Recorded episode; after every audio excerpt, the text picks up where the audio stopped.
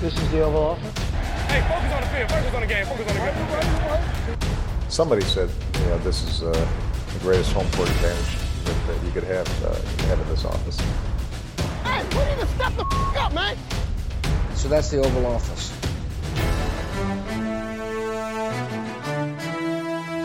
Velkommen indenfor i det ovale kontor. Vi optager onsdag den 16. december. Klokken den er lidt over 5 om eftermiddagen. Med Mathias Sørensen og med mig over den Skype-forbindelse har jeg Thijs Joranger. Hej Thijs. Hej Mathias. Og Anders Kaltoft også med mig. Hej Anders. Hej Mathias. Og tilbage har vi også uh, Mark Skafte Våbengård. Hej Mark. Hej Mathias. Dejligt at være tilbage. Jamen, det er godt at have dig tilbage. Vi har sat os ned her øh, i det virtuelle kontor for at snakke om spille uge 15 i NFL.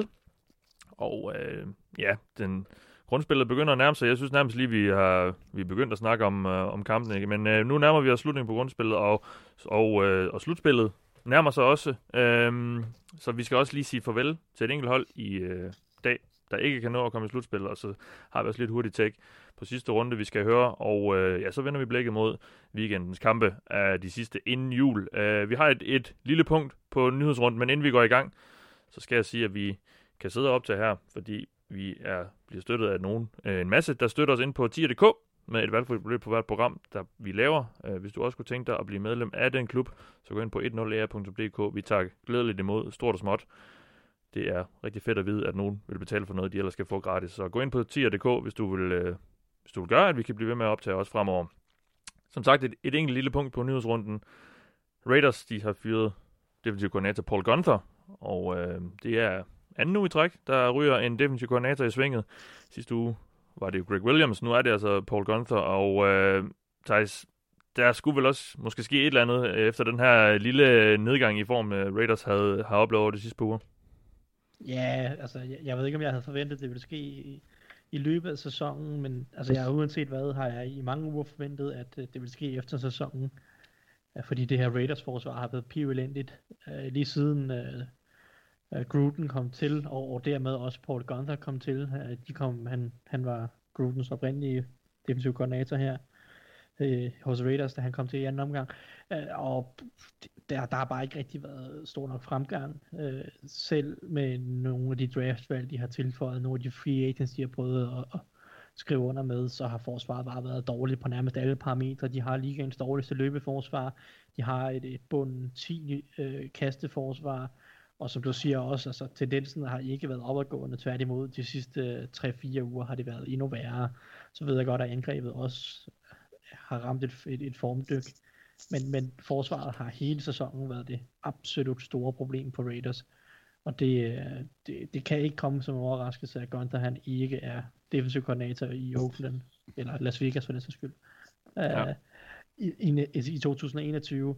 Altså jeg tror, at det sker nu, det er for, det, det er for bare at prøve at give noget, en eller anden form for gnist til holdet, som jo øh, virkelig skal levere nogle resultater i de sidste tre uger, hvis de skal med i slutspillet. Så det, det, altså, det, er bare, det, det tror jeg bare er for at prøve at gøre et eller andet øh, fra Grudens side her, Øh, så, så om det bliver bedre, det ved jeg ikke. Det, det tvivler jeg på. Det bliver ret meget bedre, for jeg synes lige så meget, det er et talentproblem.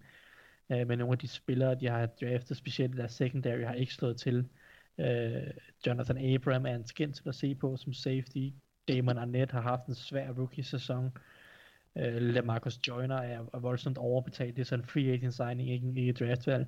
Trayvon Mullen er okay, egentlig synes jeg, Øh, deres bedste defensive back, vil sagtens, men men der er, bare, der er bare for lidt andet på de her forsvar, og det gælder sådan set også på linebacker, hvor Corey Linton har også lidt har været en skuffelse, og pass rush gruppen Cleveland Farrell har, har vist fornuftige takter til tider, men det har stadig ikke været fourth overall draft pick værd endnu. Så det, så det er en kombination af mange ting, der er gået galt på det her forsvar, og jeg, jeg synes, det giver fin mening at prøve at starte en ny retning, og så må de så se, om det kan blive bedre i 2021. Mm. Øh, selv hvis Raiders på en eller anden overraskende vis skulle snige sig med i slutspillet i år, så tvivler jeg meget på, at de kan gøre ret meget væsen af sig med det her forsvar. Ja. Mark, jeg ved også, du havde lidt uh, i forhold til Raiders. Ja, men det var fordi i sidste uge, da jeg ikke, da jeg ikke var der, der ville jeg godt have snakket Raiders i, i skuffelser, og det, det var jo sådan set øh, grundlagt i min skuffelse af forsvaret. Altså, jeg kan jo sidde og gentage mange af de ting, som Thijs lige har sagt, fordi det, det er faktisk præcis mange af de samme pointer, jeg havde. Men, øh, men, men jeg synes, at det er en, jeg vil godt stille spørgsmålet, at om det ikke er for sent, at de gør det her. Jeg synes, man skulle have gjort det tidligere i sæsonen, hvis man skulle have prøvet at gøre noget, fordi ja, Raiders skal sgu i slutspillet i år, og, og det bliver svært for dem, som Thijs også siger nu, men, men, men det, det er ved at være opad, synes jeg, at, at Gruden skal, skal bevise noget med de her draftvalg, og bevise noget med hans tilgang til spillet, og, og jeg synes bare, at vi, vi når bare ned til, at jamen, holdet har ikke rykket så voldsomt meget, siden han tog over, som det ser ud lige nu på tredje år. Altså, de har stadig et okay angreb og et dårligt forsvar, og det var meget den klub, han overtog. Og det, jeg ville godt have haft set, at de havde turde tage chancen og gøre det her noget tidligere, så, man, så de havde en reel chance for at omstille sig lidt og måske få lidt liv i forsvaret og, og måske blande sig lidt i slutspillet og også bare måske være mere sikre på at komme, komme i slutspillet, end de er nu, fordi som jeg siger, det, det, det, der skal de virkelig op sig, og det synes jeg personligt er en mindre katastrofe for John Gruden i, uh, i Raiders, at, uh, at, de, at de taber chancen for at komme i slutspillet i så småt. Ja. Mark, vi bliver lige ved dig, fordi vi skal have et take på sidste runde, men uh, inden jeg lige giver det passion tilbage til dig, så uh, vil jeg lige tage en lille omvej, fordi jeg er medlem af en gløkklub. vi er øh, nogle friske fyre, der mødes hver fjerde år øh, på den 29. februar i en øh, kælder i Hundi, og så, så tager vi noget gløk med, som vi har købt i julen, som er blevet for gammel, og så, held, så, øh, så varmer vi det op. Så kigger vi i bunden af den og siger, mm, det er en frisk mandel. og når vi har gjort det, så begynder vi at snakke øh, bold, og derfor vil jeg også lade dig gøre det nu, Mark. Øh, hvad, skal vi, hvad skal vi høre fra, fra sidste runde? ja, men det er smukt. Jeg kan desværre ikke tåle mandag, men ellers vil jeg gerne være med i din, øh, i din gløkklub. Men, ja, øh... du er velkommen. Nå, tak. Nej, jeg, jeg, jeg, jeg har fået lov til at lave et take på, på sidste uge. Og øh, jeg, jeg, det oplagt kunne have været, at vi snakkede kicker her. Den vej vil jeg helst ikke ned af. øh, så i stedet så kommer vi til at tale om noget, som kommer Nå, det vil du ikke. Okay. Og det er... Øh, det er Chase Young. Kicker, Martin? Eller Mark, hedder du?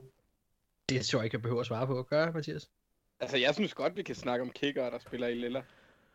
Lad os ikke snakke mere om Dan Bailey. tak. Nej, vi kommer til at snakke om noget, der kommer et glad sted for, det er Chase Young. Uh, jeg læste et sted på Twitter, at uh, han var et produkt af, at uh, Predator og Derrick Henry var blevet kombineret i en gal, mand, uh, gal videnskabsmands laboratorie. Og så skulle et eller andet sted ikke, der er særlig meget galt. Altså, han er, han er for vild, og jeg, jeg elsker ham virkelig at se, at se ham spille. Altså, han, øh, han slår bolde ned på linjen, han, han dominerer sin mand, han, han er bare all around en fantastisk fodboldspiller for Danen, hvor jeg synes, han er sjov at se spille. Uh, vi har ikke snakket voldsomt meget om ham i år, men, men han har haft reelt impact for dag 1. Og ja, så har der været nogle stille kampe. Øh, men jeg synes stadigvæk, at man, når man ser overall på hans øh, sæson, så har han bonket ud i alle kategorier, altså både pressures, hurries, battede bolde, og specielt i sidste uge, force fumbles og tackles for losses. Øhm, jeg synes bare, at, at sidste uge og hans øh, dominans i, i den kamp øh, cementerede ham som min defensive rookie of the year. Øh, jeg synes indtil videre også, at han har været sit, øh, sit valg værd, sit høje valg værd. Øhm, og at, øh, hvad hedder det, fodboldteam, de skal være glade for, at de har ham på holdet øh, de næste mange år, fordi han, han kan blive en rigtig dominerende spiller, og en rigtig sjov spiller, og, og en rigtig spændende linje, de har gang i der. Og det har meget en, hvad kan man sige, afsæt i også, at jeg synes lidt, han, det, han kulminerede i sidste uge øh, med rigtig at sætte sig, sætte sig igennem ja. i NFL. Så, så mit tilbageblik var egentlig bare en hyldest til en spiller, jeg ikke synes, vi har snakket så meget om, men som jeg lige nu synes dominerer bare med sin fysiske prægtighed. Øhm, og ja, fodboldteam skal være glade for, at de har ham. Det han er da et af de ja. få lyspunkter for dem. Ja, det var lidt den der breakout-kamp, øh, breakout-kamp vi, vi har ventet lidt på at se fra ham. Så, øh, så ja, han, han ligner det topvalg, han også er, og det, ja, jeg tror også, de bliver glade for at have ham i årene fremover. Øh, vi skal lige sige tak for i år til et hold, og øh, ja, der er flere hold, der er nærmest på randen til et exit for slutspillet, men der var kun et øh, ekstra hold, udover dem jeg allerede har snakket om, som officielt blev elimineret fra slutspillet i den forgangne weekend. Det var Houston Texans, Anders, og øh, vi skal lige have en lille opsummering af deres sæson indtil videre. Øh, hvad gik galt? Hvem skuffede mest? Hvordan ser fremtiden ud? Og så videre. Jamen altså, hvis jeg, hvis jeg sagde, at dit hold havde en quarterback, der havde over 4.000 yards, 28 touchdowns og kun 7 turnovers, vil du så tro, at dit hold var 4-9? Nej. Nej. Så det er næsten nemmere at svare på, hvad der ikke gik galt, og det er sådan set Deshaun Watson. Det er nærmest det. Ja.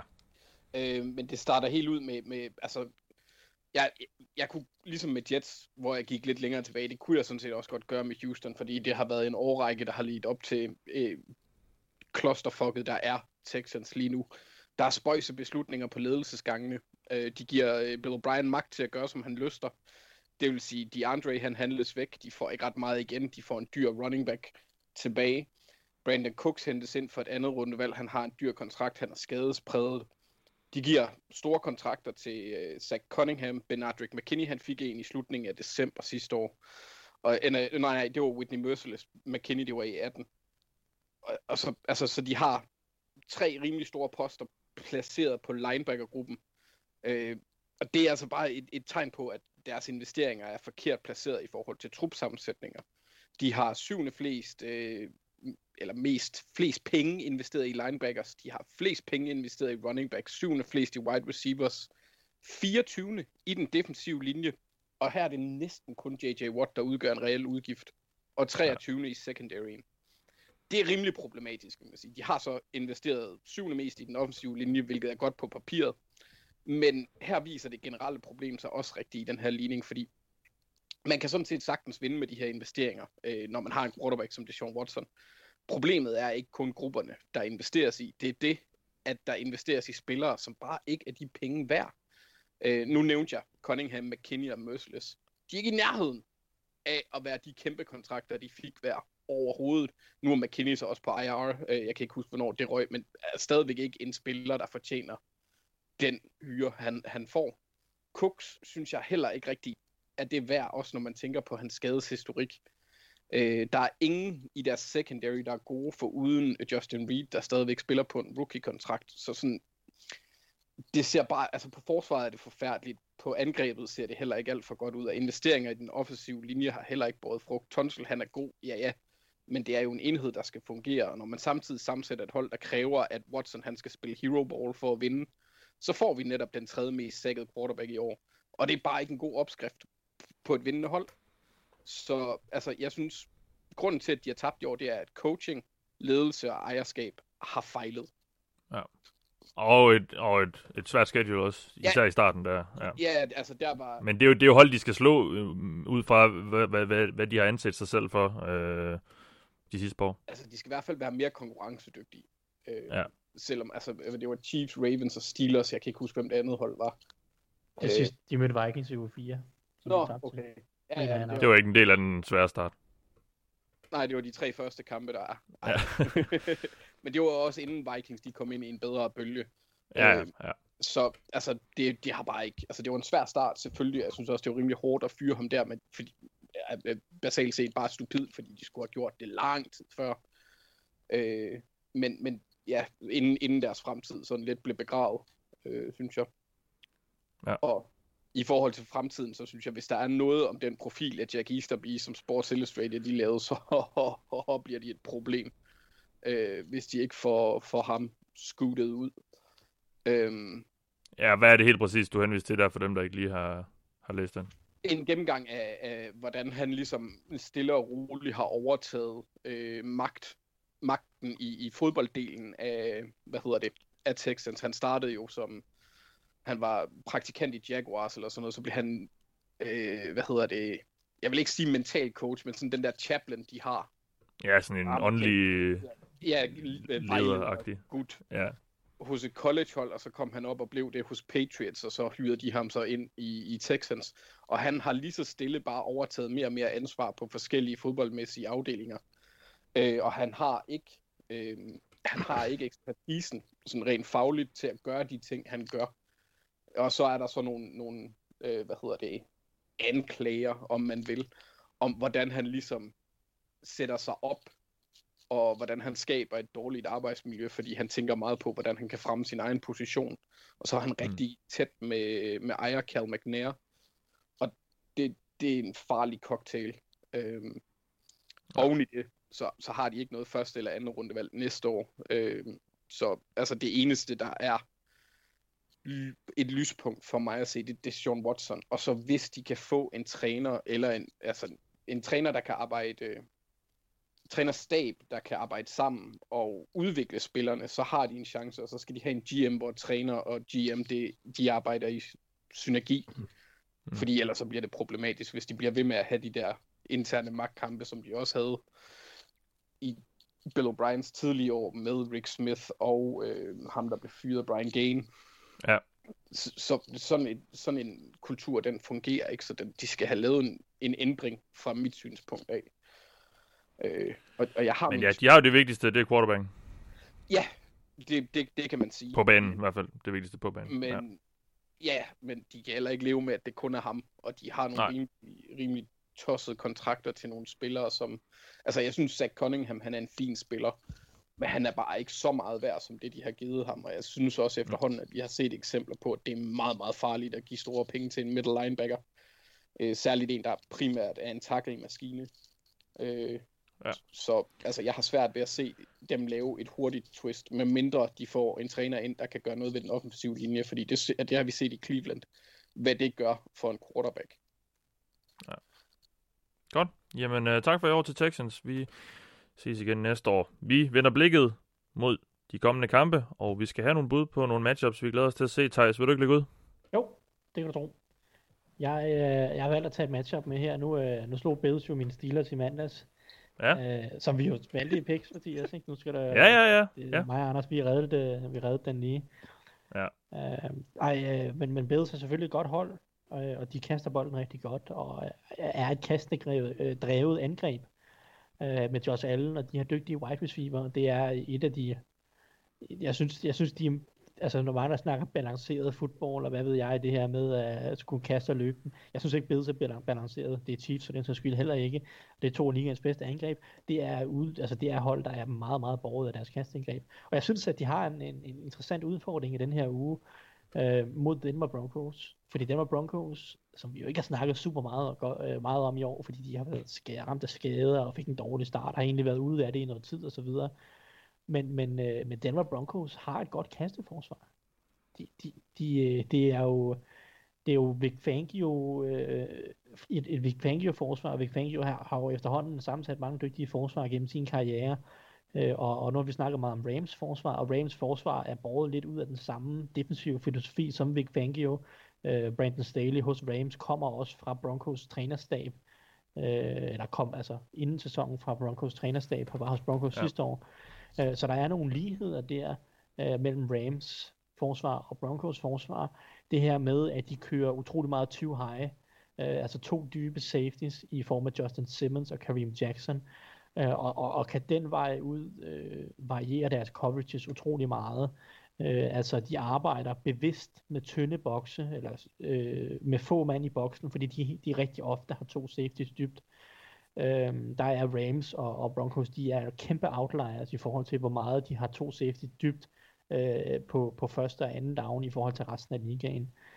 Øh, og, og det giver dem nogle rigtig gode egenskaber mod netop, kastes, øh, mod netop kastespillet. Og det synes jeg er interessant mod et hold som Bills, som indtil videre i år ikke har været ret dygtige til at løbe bolden ret meget. Så vi har et, et, et hold, der gerne vil ud og kaste bolden en hel masse, og et hold, der gerne egentlig bare vil, mest vil forsvare kastet med Simmons og Kareem Jackson, som jeg har nævnt, og derudover øh, nogle, nogle fornuftige cornerbacks. Nu har de så godt nok, ja, du skal sige fornuftige cornerbacks, det, det er måske over, det er måske lidt, lidt modigt sagt, efter at AJ Bouye, han fik karantæne, og Bryce Callahan er blevet skadet, og, og så vi, vi, vi sidder og arbejder lidt med, Ja, der er ikke meget tilbage. ej, der er ikke meget tilbage. Det er Michael Ojemudia, og så er det Devontae Bowersby, og det er, øh, hvad hedder det, um, ja, nu har jeg glemt de andre navne, men det, det, det er den type navn der, vi, vi, vi er ved at have tilbage i, i den, og det er selvfølgelig ikke så ideelt, når man skal ud mod de her receiver. Øhm, men, men ikke desto mindre, så øh, er det et godt kastforsvar, mest af alt på grund af deres scheme er rigtig fornuftigt, og det glæder jeg mig rigtig meget til at se mod, mod Bills, for at se om, fordi Bills kommer også til at møde nogle gode kasteforsvar i slutspillet, og jeg synes også, at Bills angreb viste, eller hvad man skal sige, Josh Allen og Bills angreb viste, de godt kunne have problemer mod det her Steelers forsvar. Jeg ved godt, at Stefan Dix han har en god kamp, men altså Josh Allen han kaster kun for 230 yards på, jeg ved ikke, 45 forsøg, har to interceptions. Altså, i AFC-halvdelen, der er der nogle solide kasteforsvar, ikke mindst altså Steelers, som de mødte sidste uge, men der er også Ravens, som på papiret har nogle gode cornerbacks og godt kasteforsvar. Jeg har Colts, der har et kasteforsvar, der måske der også minder en lille smule om, om Broncos, kan i hvert fald gøre nogle af de samme ting med deres cornerbacks og safeties og, og coverages. Så, så du har et Bills-hold, som jeg glæder mig til at se, hvor, hvor- hvordan de håndterer det her, øh, det her 20 high forsvar, som i høj grad er bygget til at, til at stoppe kastet. Øh, så er det selvfølgelig heller aldrig, aldrig nemt at, at, skulle på udebane i Denver i, i december måned. Det kan altid være, det bliver alt slags vejr og, og så videre. Så jeg synes, det er en god udfordring for Bills, for ligesom at vise, ja. hvor solide er de mod et forsvar, som jeg også synes, vi har snakket for lidt om. Øh, men det er klart, når Von Miller bliver skadet, og de har konstante skader på cornerbacks i alle mulige forskellige varianter, øh, så, så er det selvfølgelig, så snakker vi ikke så meget om det, men, men altså som sagt, de har et godt, godt koncept til at stå kastet. De er stadig i top 10 i pressure percentage, altså selvom de ikke har Von Miller, får de stadig masser af produktion ud af Bradley Chop og øh, hvad hedder han, Shelby, Malik Reed og Draymond Jones, de her typer. Øh, og, og jeg synes også, at jeg har set Denver i de kampe, de har haft mod Chiefs i år, som jo også er, som jeg snakker om, et ret kastetungt angreb. Der har vi også set, at Denver kan godt være med, og de kan godt spille forsvar mod Chiefs. Øh, de, de tillader, de var, det, det var det hold, der brød øh, Chiefs øh, stime. Chiefs havde, havde jo sat rekorden for flest kampe i træk med 23 eller flere point. Øh, det er jo det, det er i spil 13 bød, brød Denver den stime ved at holde Chiefs til 22 point, vel at mærke. Så skal det godt være, at de tabte øh, kæmpe, kæmpe stort øh, 43-16 i det første opgør mod Chiefs. Men som jeg husker den kamp, der var der både et special teams touchdown, og vi tror også, der var et, en, et defensivt touchdown for Chiefs, som fik den score til at stikke helt af. Ja. Øh, Mahomes kaster kun for 200 yards til den kamp, så, så det var ikke Mahomes, der scorede de der 43 point. Så jeg synes, at Broncos de har et godt kasteforsvar, som har vist sig at være rigtig dygtige mod nogle af de her kaste tunge angreb. Og det synes jeg, Bills kommer med. Jeg synes, det er en god udfordring for Bills og Josh mm. Allen at, at vise, at de kan blive ved med at levere mod de her gode kasteforsvar. Ja. Tak for det, og øh, Mark, øh, vi skal have et matchup for dig, og jeg kan forstå, at du bliver i defensive end-rillen. Ja, det gør jeg lidt. Man kan sige, at øh, nu har jeg skrevet øh, meget, meget Garrett mod Daniel Jones, og den burde nok hedde Garrett mod Giants O-line, men øh, jeg glæder mig til den her direkte duel, når Daniel Jones må stå over for Miles Garrett den her kommende uge. Kald det ugens mismatch. I don't care. Jeg kalder det rovdyr mod bytte. Jones han kom tilbage i sidste uge, og selvom at Joe Judge han efter kampen har sagt, at ah, men Jones han kunne sagtens bevæge sig i lommen uden problemer, så siger jeg bare lige, så skal han pusse sine briller. Jeg er i hvert fald ikke enig.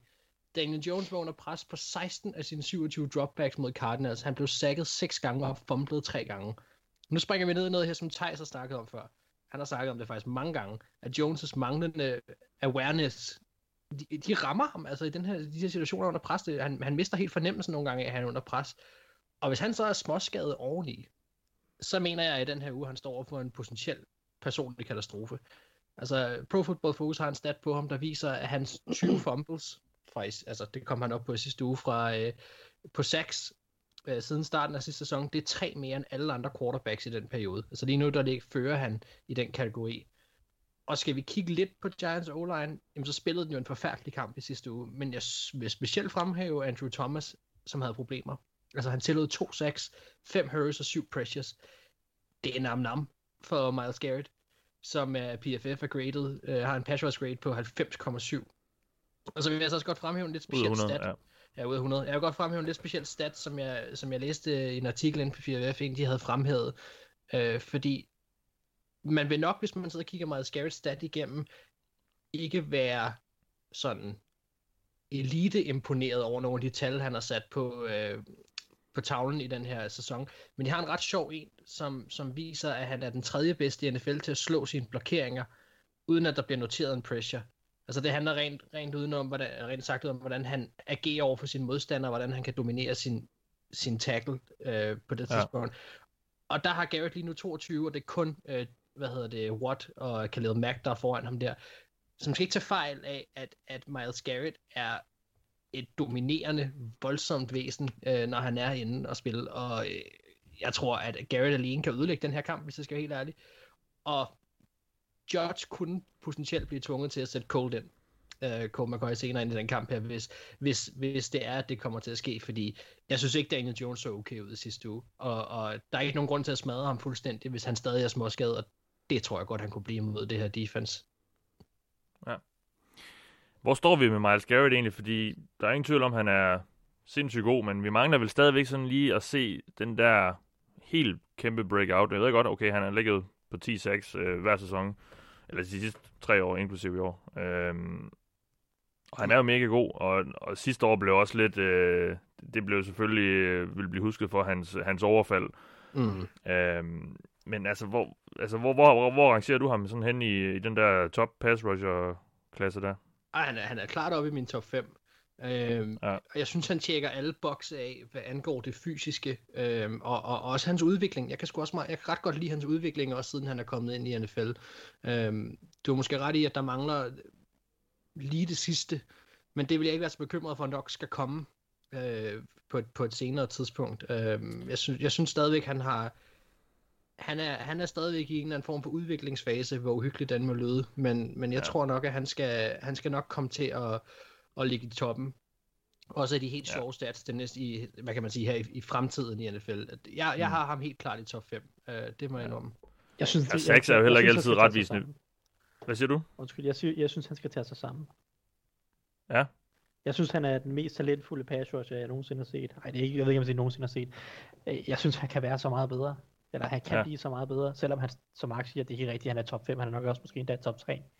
Uh, Mm. edge på pass. Han kan bare blive, altså, der er ikke nogen, jeg, jeg, jeg ved ikke, om jeg siger undskyldning, men altså, han, han skal være ligaens bedste pass rusher. Han er så absurd Ja. et talent. Ja, på Øh, sin han position, ikke? bedste pass rusher. Ja, ja. Altså, Ja, men, fordi- men, men, ja. men teknisk kan han bare stadig lægge meget mere på øh, med sine hænder. Mm. Øh, for, det, de irriterer mig, når jeg og ser ham, og det, det, er, jo, øh, det er jo også uretfærdigt, fordi hvad han lavet i år? 10,5 sacks eller 11 sacks? 10,5 sacks, ikke? Mm. Hvilket er super godt, og han kommer til at ende med 14-15 sacks. Øh, men jeg synes, der er perioder, hvor han forsvinder ud af nogle af kampene. Øh, og, og, og, og, sådan, og, og det, er jo, det er jo ikke meget, fordi han laver som sagt 10,5 sacks. Men jeg synes bare, han kan være så meget mere dominerende. Han er så meget ja. en freak. Øh, og jeg synes jo ikke, han er bedre end TJ Watt i år, eller for den sags skyld sidste år, eller på nuværende tidspunkt i sin karriere. Men, men, men han burde være bedre. Fordi han er så meget, han er lige så eksplosiv som TJ Watt, men han er bare større og længere og stærkere og mere alsidig Mm. mm. som pass rusher. Burde han være. Men TJ Watt er, øh, er, er, hvad hedder det, hvad hedder det, er teknisk bedre og spiller med en mere manisk effort på en eller anden måde, øh, som, som, som gør, at Watt lige nu er foran ham som pass rusher, synes jeg. Øh, så det er jo, det, nu siger jeg, at han skal tage sig sammen. Det er, lidt, det er selvfølgelig ment i, øh, lidt, lidt i, i spøg, fordi han er så sindssygt dygtig. Men, Mm. men Miles Garrett, han Jamen, kan... det er også det, jeg mener, det der med, at vi mangler lige at se det helt store gennembrud. Præcis. Altså Miles Garrett, han kan være Aaron Donald-level dominerende, hvis han bare Mm. bliver lidt bedre teknisk, og bliver måske Ja. lidt mere manisk også, som jeg siger. Ja. Øh, men, Han blev så lidt for manisk sidste år, ikke der Nej, men, men man kan sige, at hans, ja, det, han var rigtig manisk. Han, der blev så også, hvad kan man sige, kort short, hans, øh, hans sæson sidste år. Men jeg, jeg vil faktisk sige, at jeg er faktisk meget enig i det, Thijs siger. Jeg synes egentlig, der, der er nogle gode pointer, og hvis jeg lige sad og kørte den der top 5 igennem i hovedet også, så må jeg indrømme, da jeg tænker tilbage på sidste sæson, og da Daniel, Daniel Hunter spillede øh, for Vikings, nu spillede han ikke i år, men jeg synes, de minder meget om hinanden sådan, i forhold til, til længde og, og styrke, men, men jeg vil stadigvæk sige, at han teknisk lige nu laver nogle ting, som Miles Garrett ikke er lige så god til, men som han burde være også, øhm, Mm. mm. og, og som han nok også bliver i længden, øh, men, men, altså, men, men jeg synes da helt klart, at, at, at der er en pointe i det, Thijs siger også med, at han, jeg ved ikke, om han ligger en lille smule på den lade side, eller om han, han nogle gange bare giver lidt op, men, men han, han tjekker alle de fysiske bokse af for at blive en, en, en fuldstændig dominerende defensive end. Ej, jeg kan også huske, der var lidt snak om det, da han kom ud, øh, da han kom ud i draften, der at for Texas A&M, fordi at han var så god øh, i de, på langt de fleste spil, men han også, der var snak om, at han sådan, måske lidt en gang imellem holdt lidt fri øh, på banen. Øh, og det var det eneste, i hvert fald som jeg husker det, lille, lille minus ved ham. Jeg ved ikke, om du kan bekræfte det, Thijs. Jo, til dels, men altså, han var jo bare ude af A&M, var han også teknisk upoleret, øh, så han er jo også blevet bedre teknisk i NFL, det er jo ikke sådan, ja. han ikke har udviklet sig, men han er jo bare den type spiller, fordi han er så meget en freak, altså jeg har ikke set en større freak i min tid, jeg har set Edges, øh, Mm. end Miles Det kunne Garrett. Ej, han er jo øh, prototypen. Han, jamen, altså, jamen, han er jo mere end prototypen, fordi han er lige Ja. så eksplosiv som, som TJ Watt og Von Miller-typerne, og så er han bare meget større, meget længere, og stadig lige så fleksibel og alt muligt, der ikke giver mening. Øh, altså, så, så han er jo sådan, han er jo så, han er sådan en freak, at han aldrig nogensinde i løbet af high school eller college formentlig har haft brug for sin teknik til at vinde som pass rusher. Han har altid bare kunnet smadre folk på bare at være en freak. Og det kan han også langt hen ad vejen i NFL. Men, men altså, han, han er stadig i en proces for at lære det der fulde tekniske ja. repertoire. Han vil som have godt at blive trynet. Det Ja, vil det være bliver rart. han bare ikke. Nej, nej, men hvis der kommer en, en, en tackle ind i ligaen, som, som kunne sætte ham på plads i en enkelt kamp eller to, eller hvis nu at, at, at Browns øh, selv til træning kunne, kunne forsøge at, at gøre det, så, øh, mm. så kunne det være, det tændte noget under ham, fordi det er nok ja. det, han mangler, som du siger. Altså, han var da en non-faktor i weekenden. Eller i, i, i mandagens kamp, bare lige for at sige det. Mm. Jamen, det er også det, jeg siger. Han har det med at forsvinde Men... ud af nogle kampe. Øh, mod netop, Men... blandt andet mod nogle af de gode rushers, ikke? Men altså... Eller ja. mod... Ja. Og han, han bliver ikke en non-factor i den her har vi snakket meget om Miles Garrett. Jamen, han er også en god spiller. Jamen, det er han. Men måske ikke helt så god, som han kunne være. Anders, øh, vi skal høre dit matchup. Ja, øh, det er, er Bill Belichick mod øh, Tua Tagovailoa. Øh, fordi, altså, Big Bad Billy Boy, han er jo 21-5 imod rookies. Ja, jeg er rimelig sikker på, at det er den statistik er korrekt. Jeg ved ikke, om han har mødt rookies siden Chargers-kampen. Det tror jeg ikke. Så jeg er spændt på at se, hvordan Tua han kommer til at spille i den kamp. For Tua, han er stadigvæk en meget blandet pose bolcher, synes jeg. Og han mangler stadigvæk en del, misser nogle kast, og, og han er stadigvæk en rookie. Og så vil jeg så også sige, at det er givet, at mod Patriots er det næppe nødvendigt at spille på et øh, lige så højt niveau, som det vil være, øh, og som han skulle for at følge med Chiefs i weekenden, hvilket han ikke gjorde. Men han må meget gerne vise noget mere og være lidt mindre afhængig af forsvaret og special teams. Øhm, og så er det faktisk ikke kun øh, Fibble B øh, mod Tua, som jeg er interesseret i. Det er også Brian Flores mod øh, Bill Belichick, Apprentice mod Lord, Lord ja. Darth Vader mod Darth Sidious. Og, og ja. det, det matchup, der er ved, at to trænere, som kender hinanden rigtig godt, mødes. Øhm, Flores, han er 1 og 2 mod Bill Belichick i sin tid hos Dolphins. Øhm, I det første opgør i år, der kunne de ikke stoppe Cam Newton. Øh, men det er meget to anderledes mandskaber, end det var i første runde, der mødes i weekenden. Det er så også to hold, hvor trænerstaben har enormt stor kendskab til hinanden, fordi der er mange på Dolphins stab, der har en fortid hos Patriots, men også den, off- den offensive koordinator, Tian Gailey. Han er i gang med sit 8. år som træner i øh, AFC East, så jeg er generelt bare ret spændt på at se, hvordan de to matchups her, de, øh, de udfolder sig, fordi de kender hinanden så godt, og så jeg glæder mig også til at se, om Tua ikke snart viser, at jeg tog fejl af ham. Jeg vil gerne lige se ham på et højere niveau, end det vi har set indtil videre. Ja, det har ikke været sådan helt forløsende endnu. Det, det, jeg synes ikke, han har haft den der kamp, hvor at, at man ser Altså man ser glimt, men jeg synes ikke, han har sammensat en fuldendt kamp, hvilket også er meget for lang en rookie. Men jeg synes bare heller ikke, at jeg har set nok til at tro, at han kan blive en top 5 quarterback. Et Nej. Dårligere kan også gøre det, men, men altså... Ja. Så ja. den er jeg spændt på. Why? Why? Why? Why? Why? Why? Tell me why.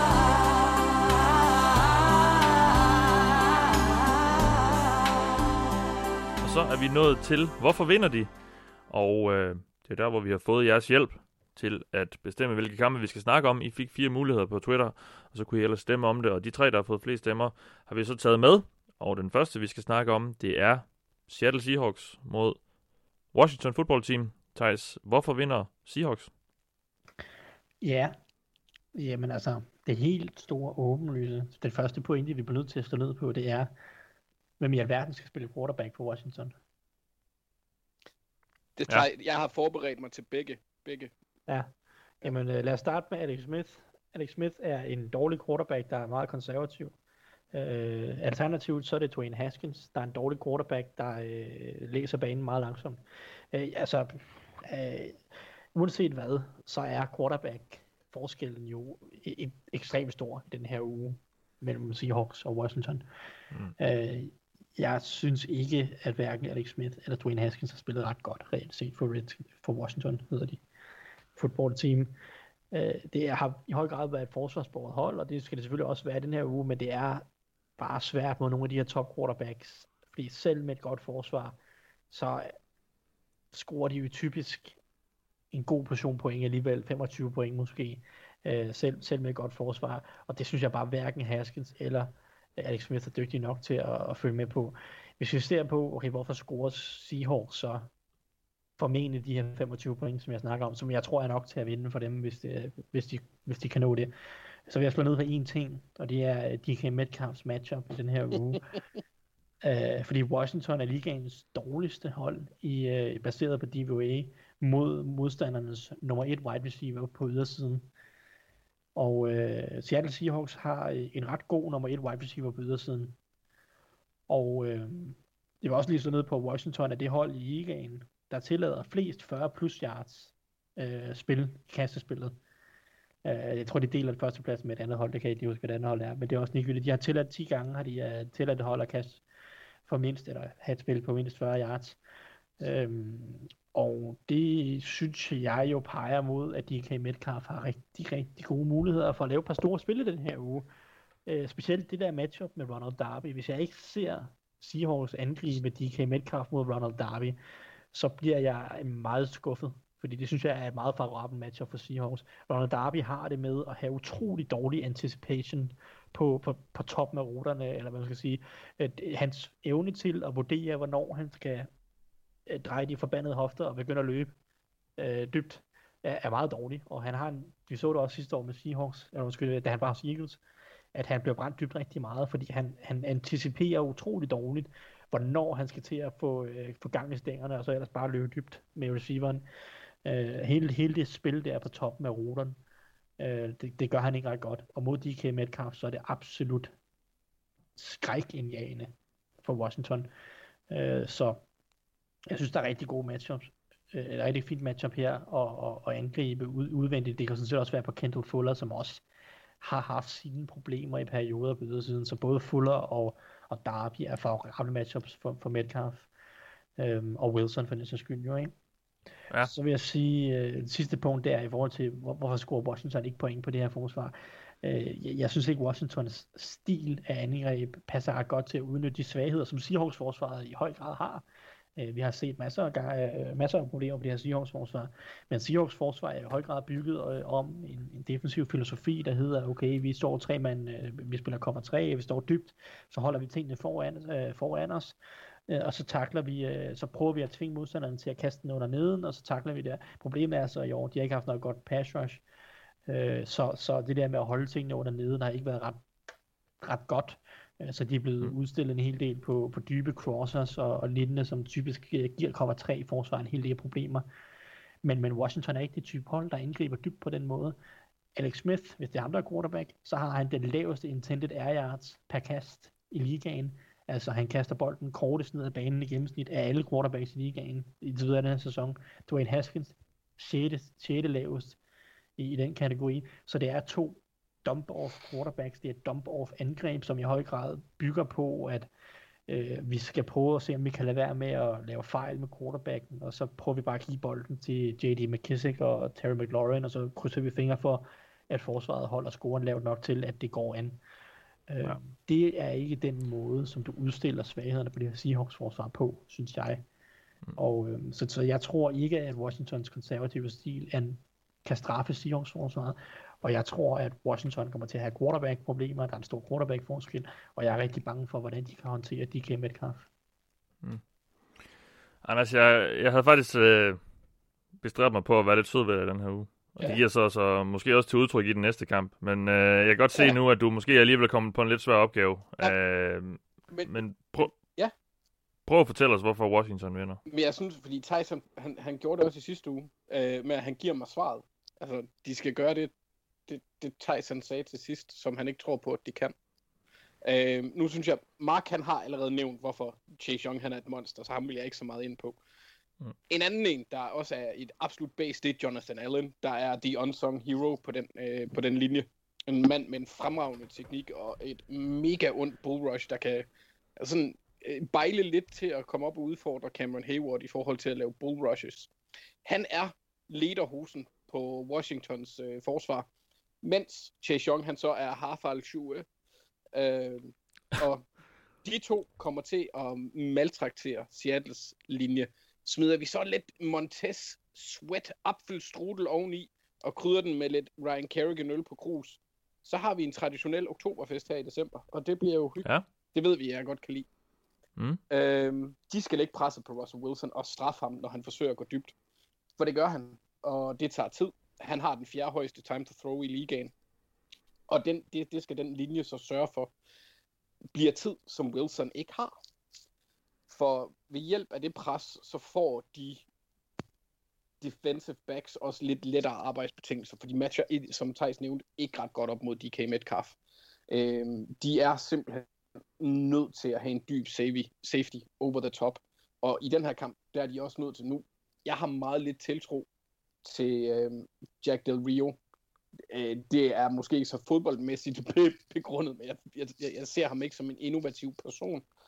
Øh, så jeg ved ikke, om han ser, at de burde øh, køre lidt mere two deep coverage, når de møder øh, et hold som Seattle, der bare gerne vil kaste den dybt. Øh, det, der kan, det, der kan skræmme mig lidt her på forsvaret, det er, at han vil sætte ekstra mand i boksen for at stoppe øh, Seattles tendens til at løbe. Og det vil jo så give Metcalf bedre arbejdsbetingelser. Det gør de ikke i det her ja. scenarie. Øh, på angrebet, der bliver det en udfordring, som Thijs har nævnt, på grund af, at øh, der er lidt store spørgsmålstegn om, hvem der starter på quarterback og selv med både Dwayne Haskins og Alex Smith, så bliver det en udfordring. Men jeg tror egentlig, at det er samme tilgang, de skal have. Øh, de bruger J.D. McKissick i, i kasterspillet. Øh, det er også et revenge game for ham, så han er sikkert også rimelig opsat. Seahawks, de øh, tillader syvende flest yards i luften til running backs, så han har en lille fordel der. Så bruger de Terry McLaurin og The Sims, Cam og Steven samtidig med, fordi Seattle er også, nu, nu siger Thijs, at, øh, at det, han, han ser det som svært med den måde, Seattle spiller på. De tillader alligevel rimelig mange yards til wide receivers. Øh, de ligger øh, i top 12, tror jeg.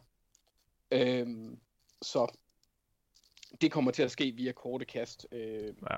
Fordi, ja, øh, både det kan man se den måde, de har spillet på, både Haskins og Smith er i den lavere ende i time to throw, øh, og, og også intended air yards. Og det kan være med til at, at, at dæmpe Seattles pass rush, fordi nu siger Thijs, at de ikke rigtig har noget. De har øh, lavet der, de har lavet så mange sacks, at der kun er seks hold, der har overgået dem. Blandt andre football team, Cardinals, Bucks, Rams og Eagles. Øhm, så der kan de korte kast godt være sådan lidt en, en, en hjælp til at, at dæmpe det i hvert fald. Og øh, til sidst, man kan vel også sige i forhold til de korte kast, hvis det er sådan, at de er fikse nok, hvis man for eksempel siger, at Alex Smith han er derinde, og han læser deres blitzes lidt mere, fordi de har en tendens til at sende øh, Jamal Adams øh, afsted på blitzen. Han slog rekorden for øh, sex af en øh, defensive back her i weekenden ved at klappe Sam Darnold på foden, inden han løb ud over sidelinjen. Så, så ja. kan de også godt ramme ham, ramme Seattle på den måde, hvis det er sådan, at de læser det korrekt. Mm. Øhm, og til sidst så skal angrebet sørge for at følge med Seattle i de to første quarters. Fordi Seattle de er gode til at score i første og andet quarter, mens Washington er mindre gode til ikke at tillade det. Så giver de chancen for, at forsvaret kan vinde kampen i tredje og fjerde quarter, så har de en chance, fordi der øh, bider Washingtons forsvar virkelig så fast. Der er de ret nære med point. Så hvis de kan holde kampen tæt til at være ved halvleg, så har de en chance, fordi forsvaret det er så bisk, at det kan bide fra sig. Og, ja. og score, hvis det skulle være. Så deres største trumfkort, det ligger vel lige at, at få frustreret uh, Russell Wilson, som vi, lå, som vi så for et par uger siden mod, ja, mod ja, Giants der. Lige præcis. Altså hvis ja. McCoy han kan slå Seahawks, så tror jeg også, Alex Smith han kan. Ja. Eller... Godt, vi går, vi går videre til den næste kamp. Det er et på papiret rigtig fedt matchup. Det er så blevet lidt ærgerligt, øh, at øh, det ene hold ikke har en quarterback, men en fullback, der spiller quarterback. Uh, Mark, hvorfor vinder New Orleans Saints? Ja, Mathias. Det går nok lidt tavligt mod Mahomes, ja. ja.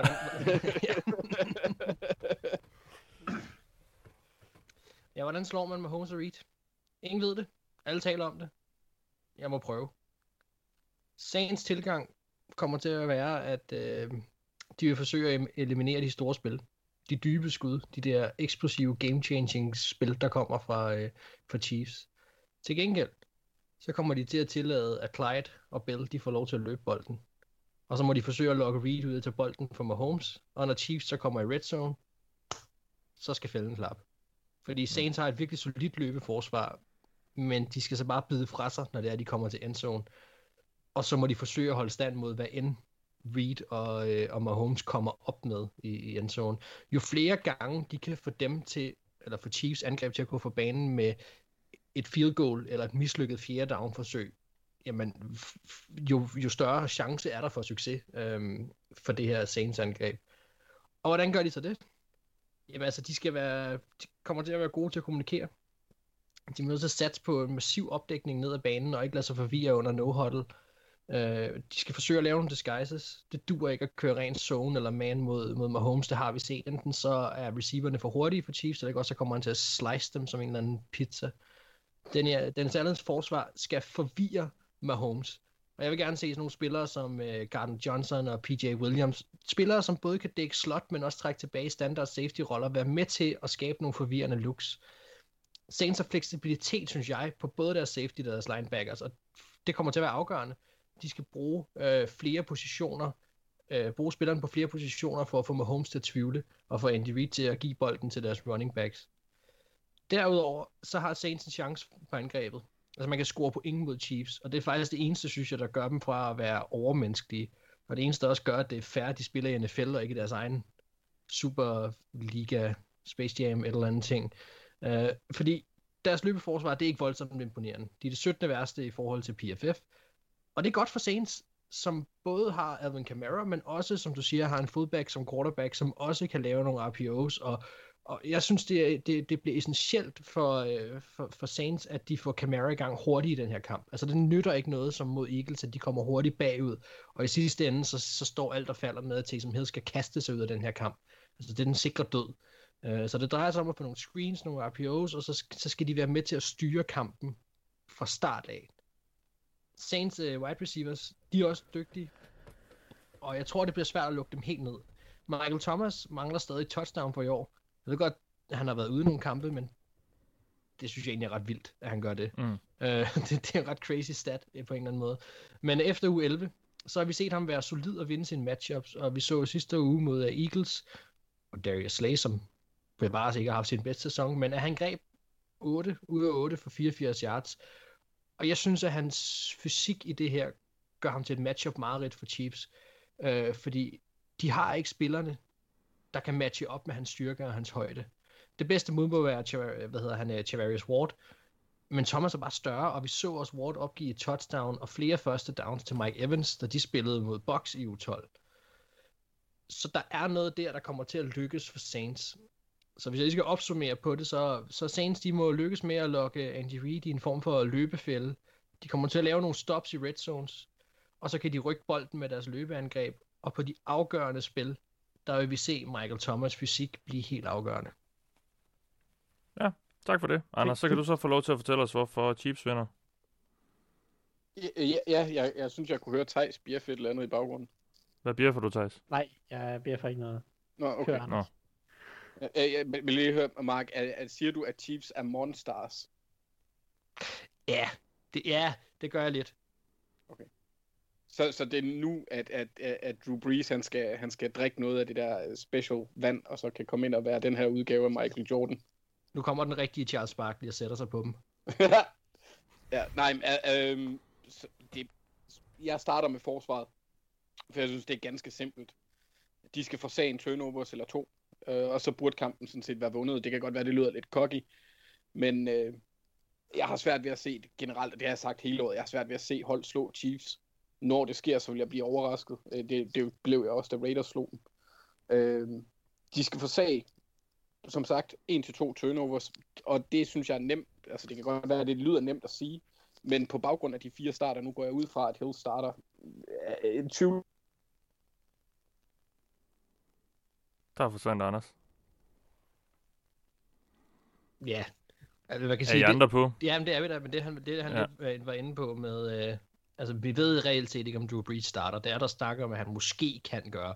Men altså, det, med den skade, han har haft, så, øh, så vil det da være... Jeg synes, det er jo lige voldsomt nok at sætte ham ind der. Jeg er ikke sikker ja. på, at han vil gå ind og gøre en, en voldsom stor forskel alligevel nu. Han kan umuligt være 100%, altså. Jeg synes det er trods alt ribben også, og fra hvad jeg i hvert fald lige har hørt, der kan man ikke bare lige sådan lige komme over det på 4-5 uger. Ja, undskyld, punkterede han ikke også en lunge eller sådan noget? Var det ikke, jo, altså... det var i hvert fald vist, vist tæt på. Ja, så, så øhm... det, er, det, det, det, jeg synes, det lyder helt vildt. Og ja, netop på en quarterback. Altså, man, man kommer bare ikke udenom, at, at torsoet er jo en vigtig del af, af ja, deres spil. Altså, hvis han skal kunne dreje og vende sig og alt sådan noget, uden at det det gør ondt, det, det vil være svært. Men altså, det ved de jo mere om i NFL, end, end, end jeg nok gør. Men, øh, men ja. jeg ville forvente, at det var Hill, der startede den her kamp. Ja. Taget betragtning af, fået... at de også har vundet med ham. Ja. Jeg ved ikke, om vi har fået Anders tilbage. Jeg tror, han måske forsvandt han helt. Tror jeg ikke, vi har. Skal vi tage den anden Men... kamp, øh, så håber på, at Anders kommer tilbage og kan færdiggøre den? Ja, lad os det. Vi hopper til Battle of the Birds. Det er Eagles mod Cardinals. og øh, Thijs, hvorfor vinder Cardinals? Ja. Øh, Arizona Cardinals, de vinder først og fremmest, fordi jeg er ikke bare super imponeret over Jalen Hurts på mange områder som quarterback for Eagles i sidste runde. Jeg ved godt, de vandt kampen, og øh, de løb bolden godt, både Hurts og Sanders var over 100 yards, og jeg ved ikke, om de kom ud overrasket øh, Saints lidt. Det kan også være Saints, de bare tog lidt let på opgaven, øh, til betragtning af, at de også var på en, hvad ved jeg, 9 eller 10 kampes winning streak. Men, men jeg kan ikke forestille mig, at Cardinals som om noget som hold må vide, hvad øh, en running quarterback kan, kan give af værdi til et angreb. At jeg kan ikke forestille mig, at de kommer ud og, og tillader Hurts bare at løbe bolden lige så effektivt. Uh, jeg synes, der er alle muligheder for, at, at Cardinals sætter sig rimelig solidt på, på, øh, på, på Eagles øh, løbeangreb. Altså Cardinals har et, et lidt overmiddel løbeforsvar i, i min optik. Øh, og vel formentlig synes jeg, der kan, altså tror jeg sagtens kan tage løbet væk fra Hurts, og så tvinge ham til at kaste. Øh, og, og når vi ser på, på Hurts som passing quarterback, så synes jeg ikke, der var mange super lovende tegn. Jeg synes, han læser spillet meget langsomt. Synes jeg også, han gjorde i college, så det er måske ikke så overraskende, når han er rookie i NFL. Men jeg tror i høj grad, at Cardinals er klar over, hvordan at man som hold kan, kan sørge for, at de tvinger Hurts til at vinde fra lommen. Og når han læser banen langsomt, så har vi også et Cardinals øh, hold, som jeg vil faktisk sige, jeg er positivt overrasket over, hvor aggressivt det har været i forhold til øh, deres blitz. Jeg synes, Vance Joseph har, har spejset sin ellers lidt kedelige defensive plays, øh, hvad hedder det, sådan, stil op med en del gode blitzes i år. Uh, de har i, de er både top 5 i blitz percentage, og de er også i top 5 i pressure percentage. Så det er et hold, der, bliver, der, er gode til, altså, der blitzer en del, og er rimelig gode til det, og, og får en del pressure ud af det. Uh, så, så, og det er altså, de ligger i top 5 i pressure percentage, selvom det mangler Chandler Jones for sæsonen. Så jeg, altså, jeg, jeg kan ikke forestille mig, at det her Cardinals forsvar ikke kan formå at tvinge Hurt til at vinde fra lommen, og så straffe ham for at formentlig holde bolden for længe, fordi han læser spillet for langsomt. Øh, så jeg synes, at det, det, det, jeg tror simpelthen ikke, at Cardinals kommer ud og bliver overrasket over, hvad det er Hurts og Eagles kommer med. Øh, i, I den anden kamp, nu har de også set, at det netop er, øh, det er opsyns, det er RPOs, det er, det er øh, mange af de ting, som man, man gerne vil med en mobil quarterback. Um, når vi så kigger på, på, Cardinals eget angreb, så synes jeg, at de har et, et fint matchup her mod Eagles. Øh, nu, nu er jeg godt nok lidt, det er jo svært lidt at snakke om Eagles forsvar lige nu, fordi traditionelt set har Eagles jo et, et man coverage heavy forsvar. Øh, Tim Swartan har han altid sværget til at stoppe løbet, pakke boksen, stoppe løbet, og så ellers have en mod en matchup på ydersiden øh, i, i man coverage, og det har vi jo så det har vi brokket os over en del de sidste par sæsoner, fordi han bare har hængt sine cornerbacks, som har været ret dårlige til tørre.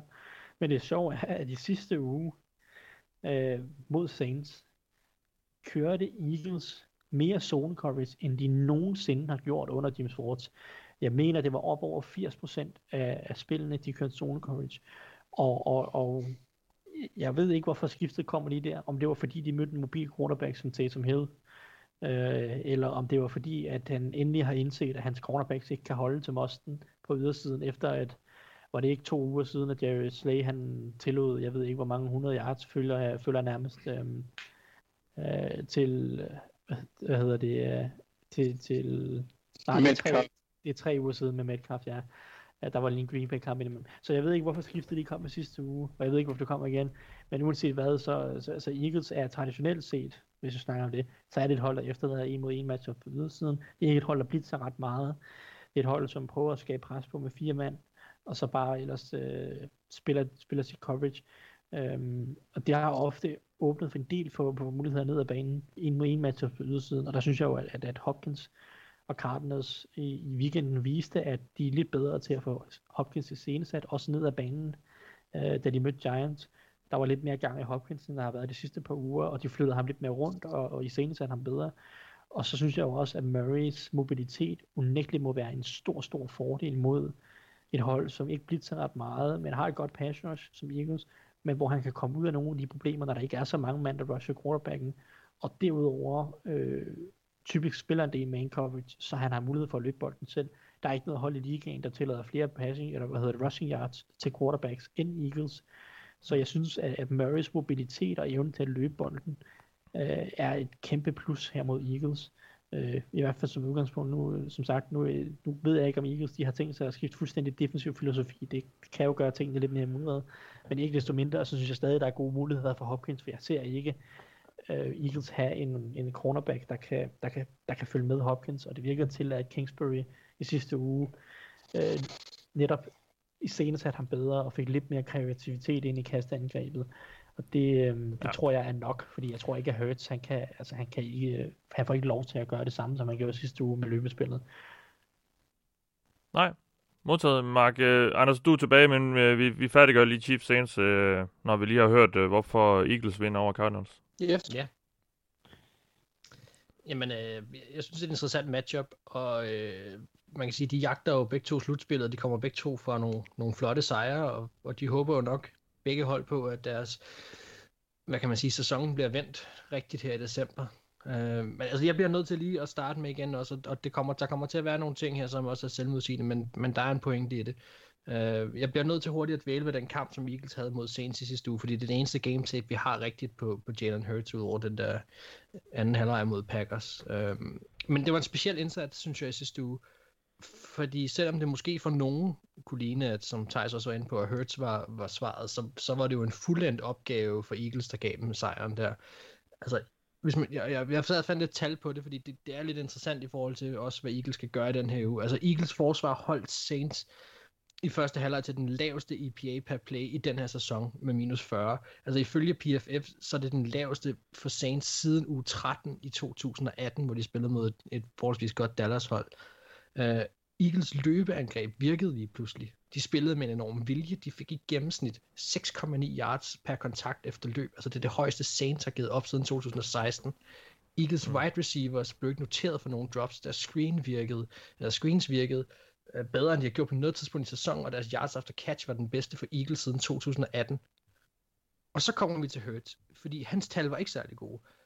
Og de fleste af hans store spil, det var sådan noget, hvis, altså, hvis man sidder og ser kampen, så kan man også se, at der var en del busted coverage, og øh, han missede øh, på, på tværs af banen også en ret åben af Jalen Rager på et tidspunkt, som, det var egentlig ret godt tegnet, men, men det lykkedes bare ikke.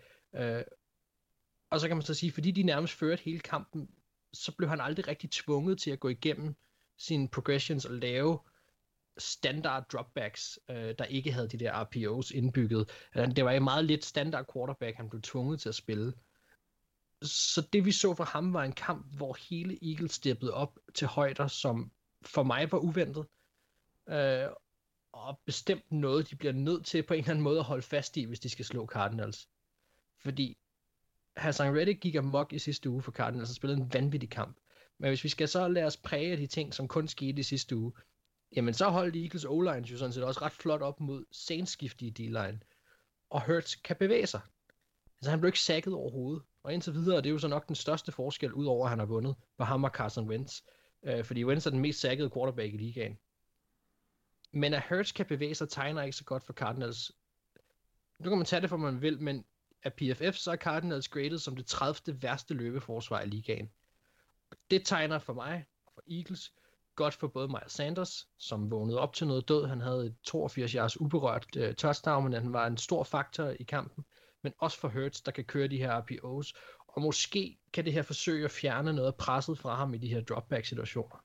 Så Eagles kommer til at have succes med at rykke bolden på jorden, og det kommer også til at give dem succes på et par lange skud. Um, Eagles forsvar så vi så stærke ud mod en mobil Taysom Hill, og en ellers stærk O-line også fra, øh, fra Saints. Den har vi rost meget, men, men jeg synes, de gjorde det godt. Javon Hargrave vågnede op virkelig så død, havde to sacks, det samme havde Josh Sweat og Fletcher Cox kom på banen med sit 8. sack i år. Øhm, Og Eagles pass rush er lige nu graded PFF som det andet bedste i ligaen. Man kan sige, overordnet set, så har Cardinals egentlig en ret solid offensiv linje. Men jeg siger bare, center Mason Cole, han får det svært mod Eagles indvendige defensiv linje. Han har opgivet 19 mm. pressures i år. J.R. Sweezy kan potentielt godt være et svagt punkt, og jeg, så er det måske bare mig, men jeg stoler, på, jeg stoler ikke på TJ Humphries. Altså han er kommet sig efter sin katastrofale, katastrofale start på året, men jeg mener stadig, at han er garant for at opgive både pressures og sacks. Det har vi set i løbet af sæsonen, at han kan have nogle, nogle halvskidte kampe, og det kunne jeg sagtens se ham få mod, øh, mod en stærk øh, Eagles øh, D-line. Mm. Kigger man på den ja. måde, øh, Cardinals bevæger bolden på, så har de tendens, bolden har en tendens til at komme ret hurtigt ud af Murrays hænder. Men hvis først Murray kommer under pres, så, så er hans tal bare ikke så gode, som man skulle tro. Altså, de er ikke forfærdelige, men, men når han bliver presset, så falder hans completion ratings fra 72,7 til 47,1.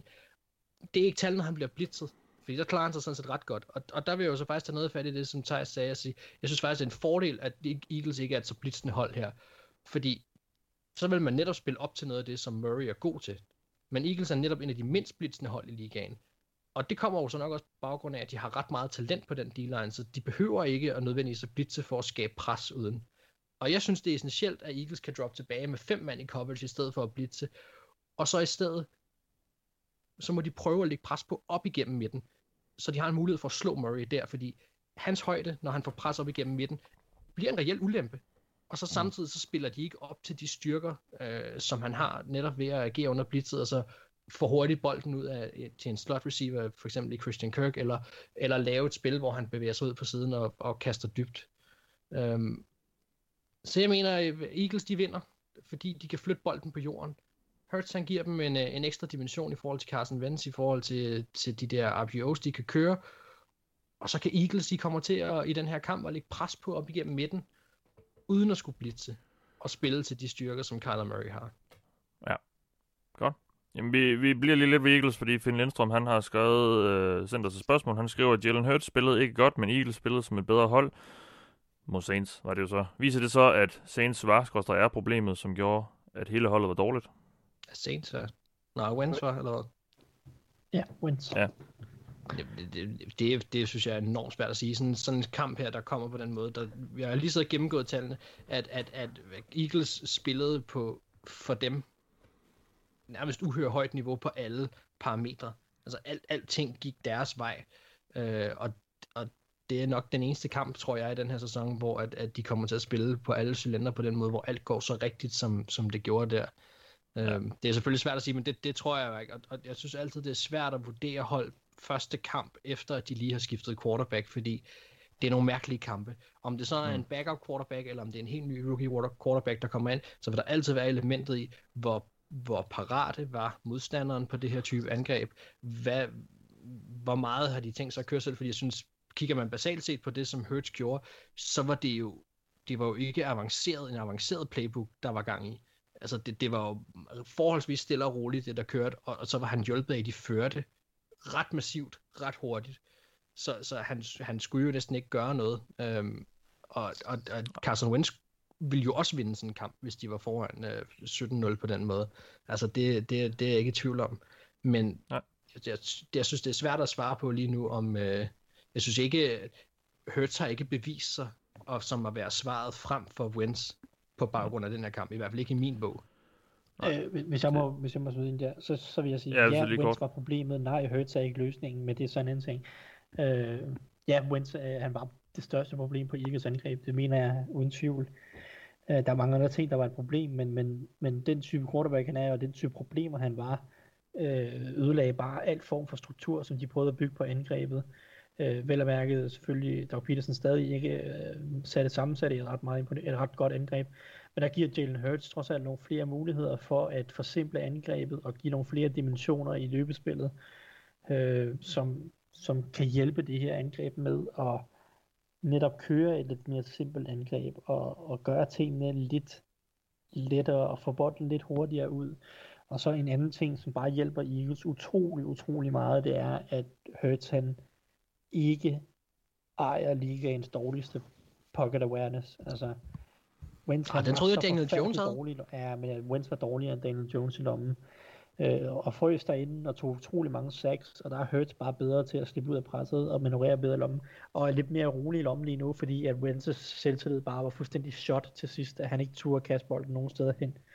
Mm. Øh, så i min optik, ja, Wentz var det største problem på Eagles angreb. Øh, to, jeg synes ikke nødvendigvis, at Hurts er løsningen på lang sigt, men lige nu, der var det det rigtige at gøre, og lige nu, der giver Hurts noget andet i form af, af et boost til løbespillet, og jeg må sige, færre dårlige spil, fordi at, at Wentz tog så mange dårlige sacks og dårlige beslutninger i lommen, som bare gjorde angrebet fuldstændig øh, ukampdygtigt, skulle jeg til at sige.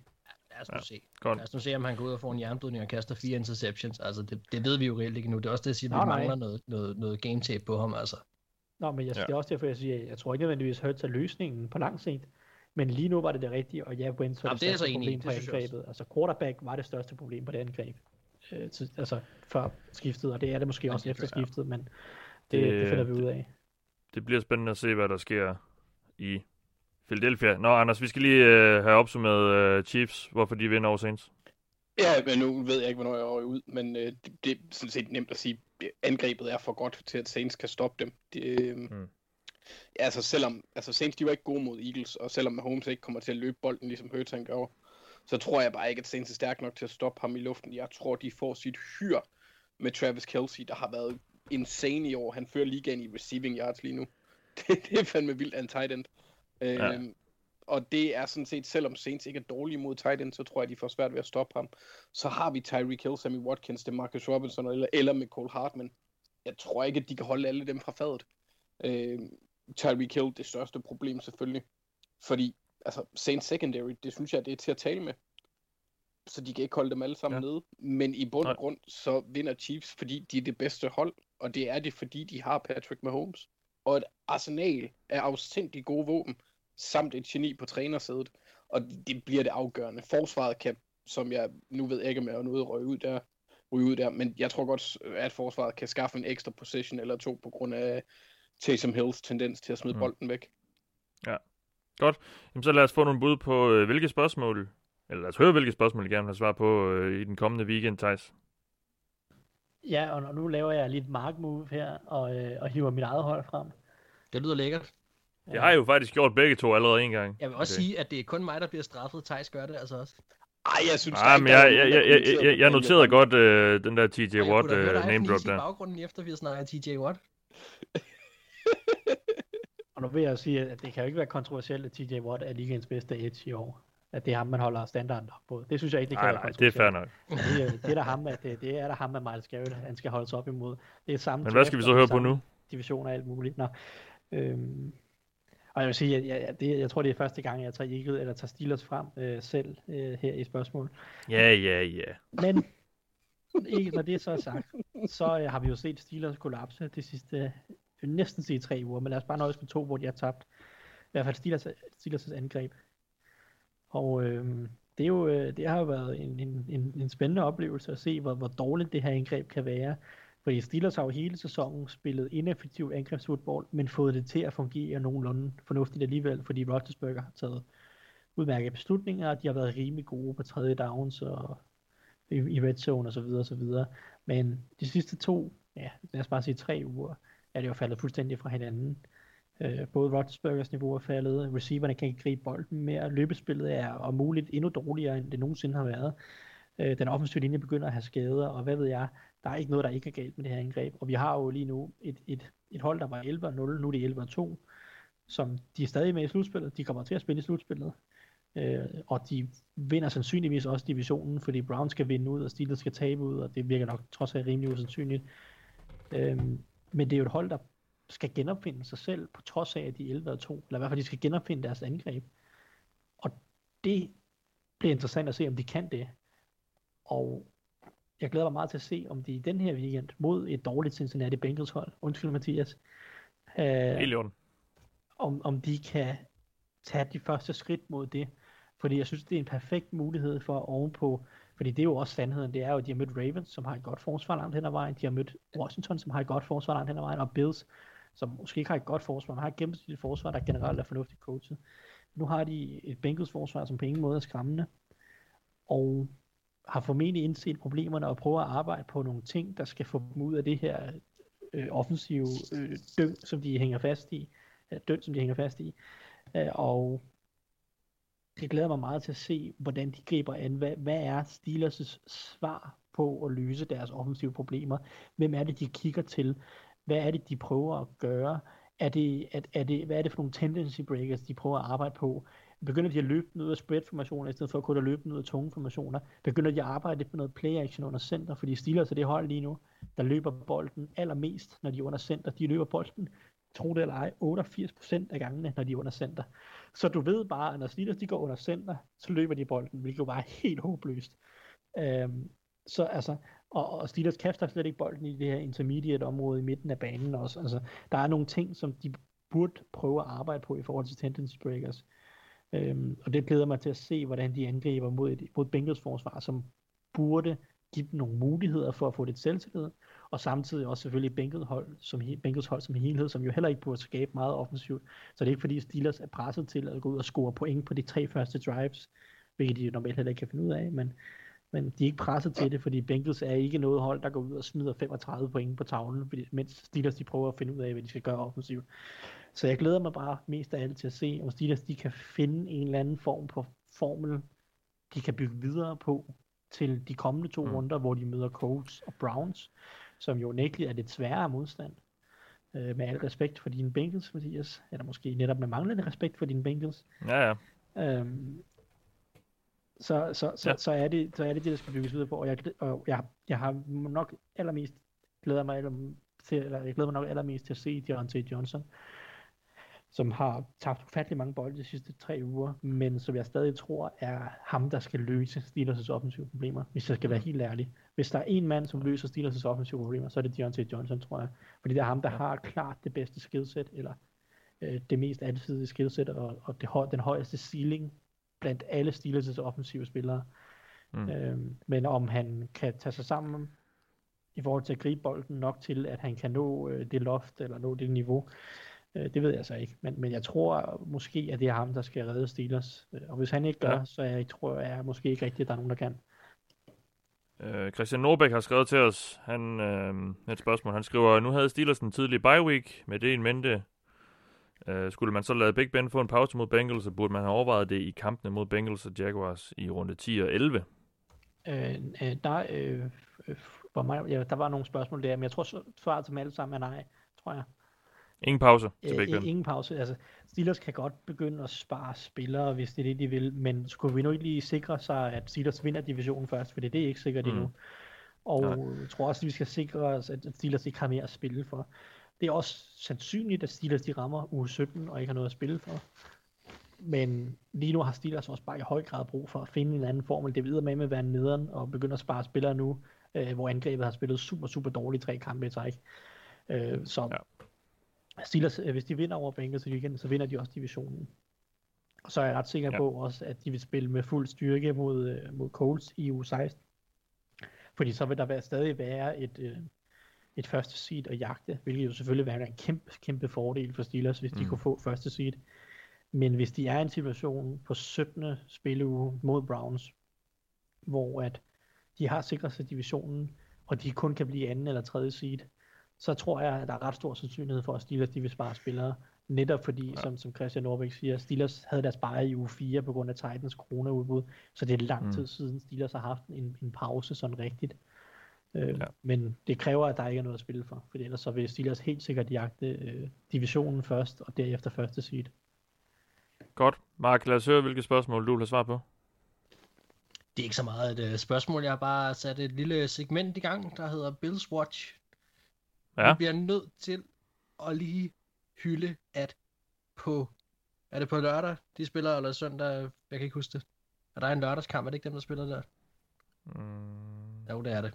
Pas. Det mener det er, ja, når det går også på den anden til søndag. Det er også lige meget. Rigtigt, ja. Når Bills til spiller... til ja, ja, og når Bills de spiller mod Denver Broncos, så kan de for første gang i 25 år vinde AFC East.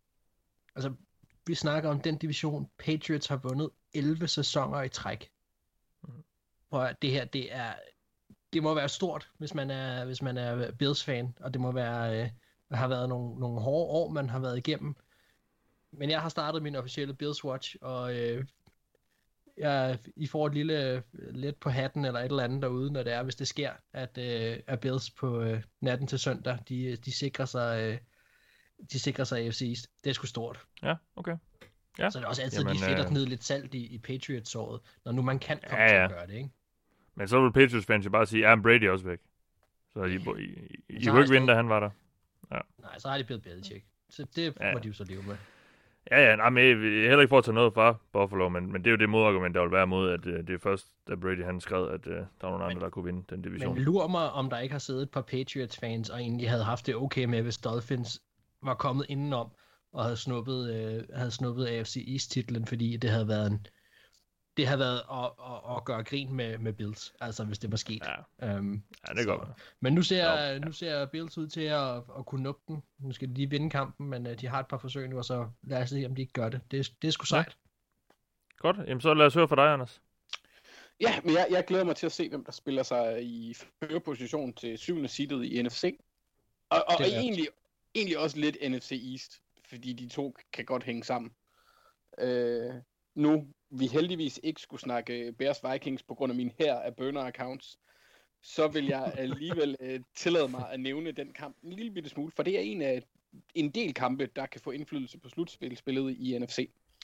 Øhm, altså, der, der kan vi så smide alle kampe, hvor der er et NFC East hold med, også særligt de to kampe, vi har gennemgået her med Eagles, Cardinals, Seahawks og football team. Så er der en del på spil i den her runde. Øh, vinder Eagles for eksempel, så har de stadigvæk et håb om at kunne spille om divisionen i uge 17, når de møder football team. Øh, også hvis Seahawks vinder samtidig med selvfølgelig. Vinder Cardinals, så beholder de deres forspring. Taber de, så åbner de op for, at de to hold i det sjoveste matchup her, Bears mod Vikings, kan komme ind og overtage positionen, eller i hvert fald nærme sig. Øh, for vinderne af den kamp vil få, altså, de vil få en fordel over for hinanden, øh, og komme op på den samme record som Cardinals. Jeg ved ikke, hvad de interne... Ja, hvis, hvis Cardinals taber, er. hvis Cardinals taber og Vikings vinder, så er Vikings, Fint. så tager de deres plads. Men jeg er ikke yes. sikker på, at Bears gør. Øh, men øh, jeg ved, at Vikings gør i hvert fald. Ja, og, og hvis, hvis øh, hvad hedder det, den, den taberen af Vikings Bears, den strømme vil hænge i en, en tynd, tynd tråd. Og mm. samtidig så møder Giants Browns. Øh, de møder så også Ravens i de næste to kampe, inden Dallas står på menuen i uge 17. Øh, og så skal de enten vinde i den her uge eller næste, for at have et lille håb om slutspillet. Øh, og en spændende runde i uge 17, i hvert fald i NFC East. Så, så jeg glæder mig til at se brækkerne sådan så småt begynde at falde på plads i forhold til den syvende seedet, og så, øh, jeg ved ikke, hvad det fjerde, femte seed, fjerde seed, de får, dem der vinder NFC East. Det må være fjerde. Ja, må det være. Ja. Jamen tak for det. Vi er nået til sidste punkt på dagsordenen, og der vi skal have sat vores picks for denne runde.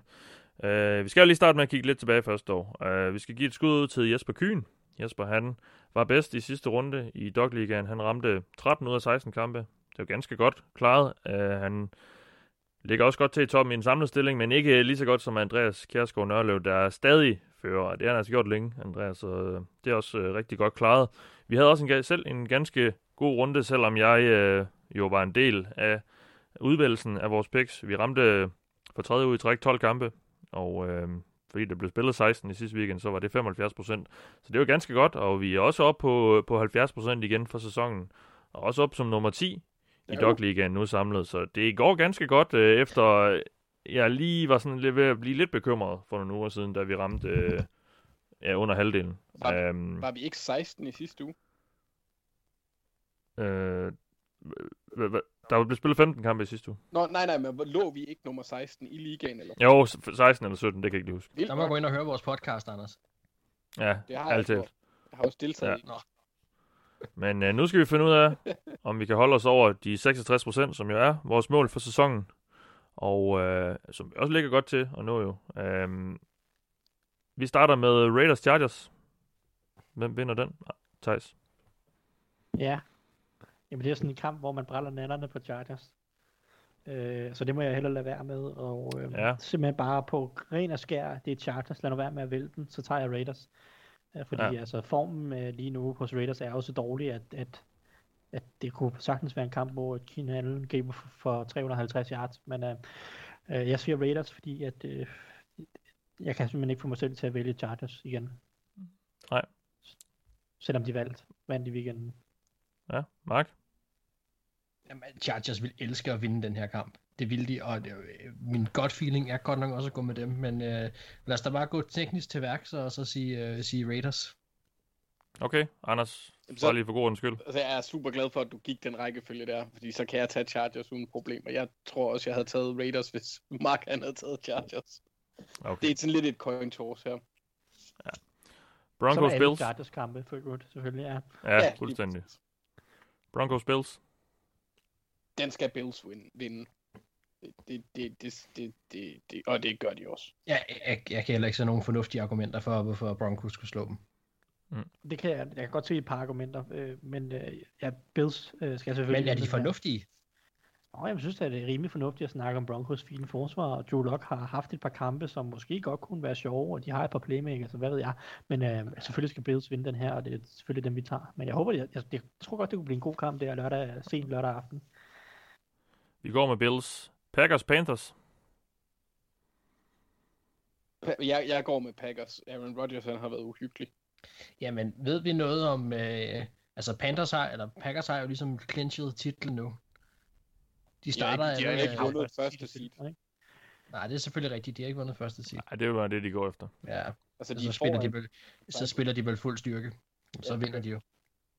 Ja, det tror jeg også. Så vi går med, vi går med Packers. Cowboys 49ers.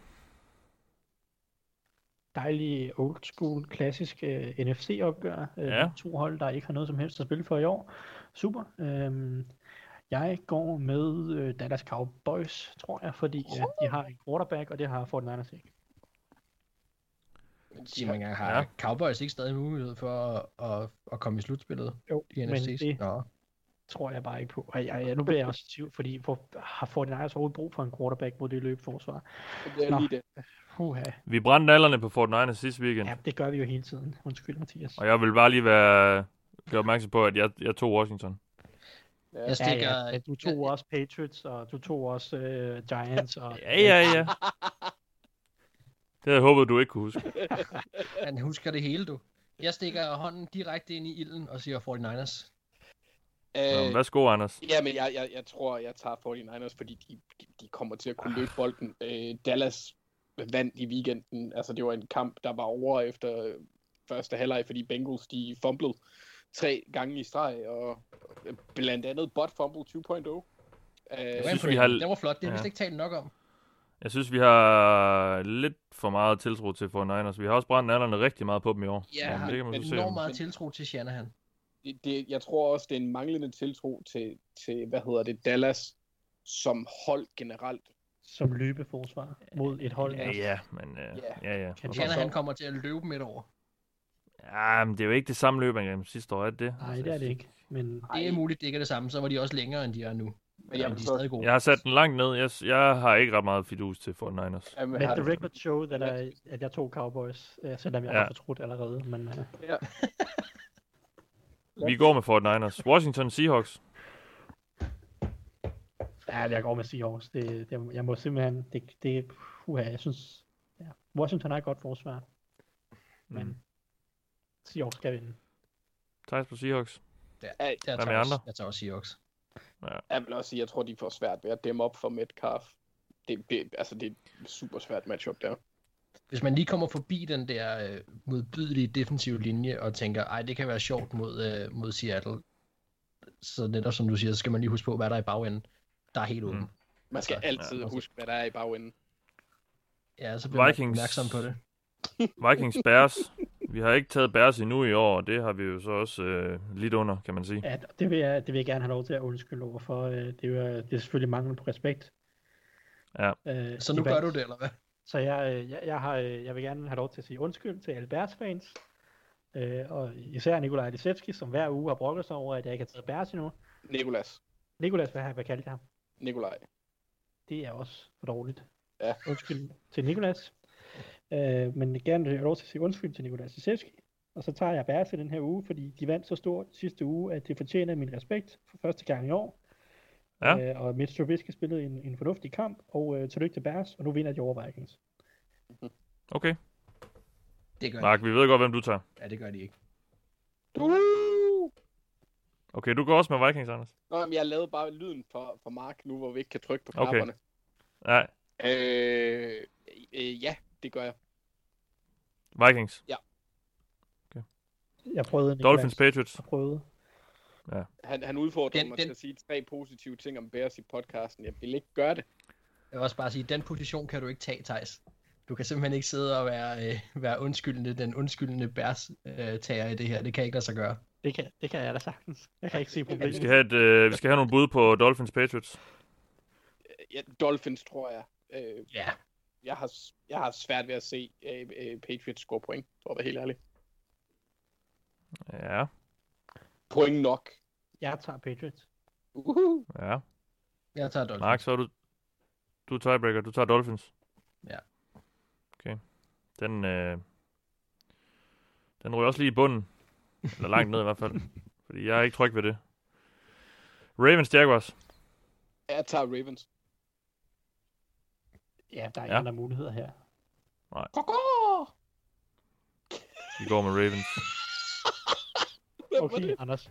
Den, øh, Eller hvad en ravn siger. Jeg ved ikke, hvad den siger. Jeg ved ikke, hvad fanden var det for en forstoppet strus, altså. Det lød fedt. Det var ikke Det mig. var, det, jeg synes, det var mig. Jeg siger Nå. bare, jeg synes, jeg synes den, Ja, ja. øh, det, den svarer meget godt til Ravens sæson indtil videre.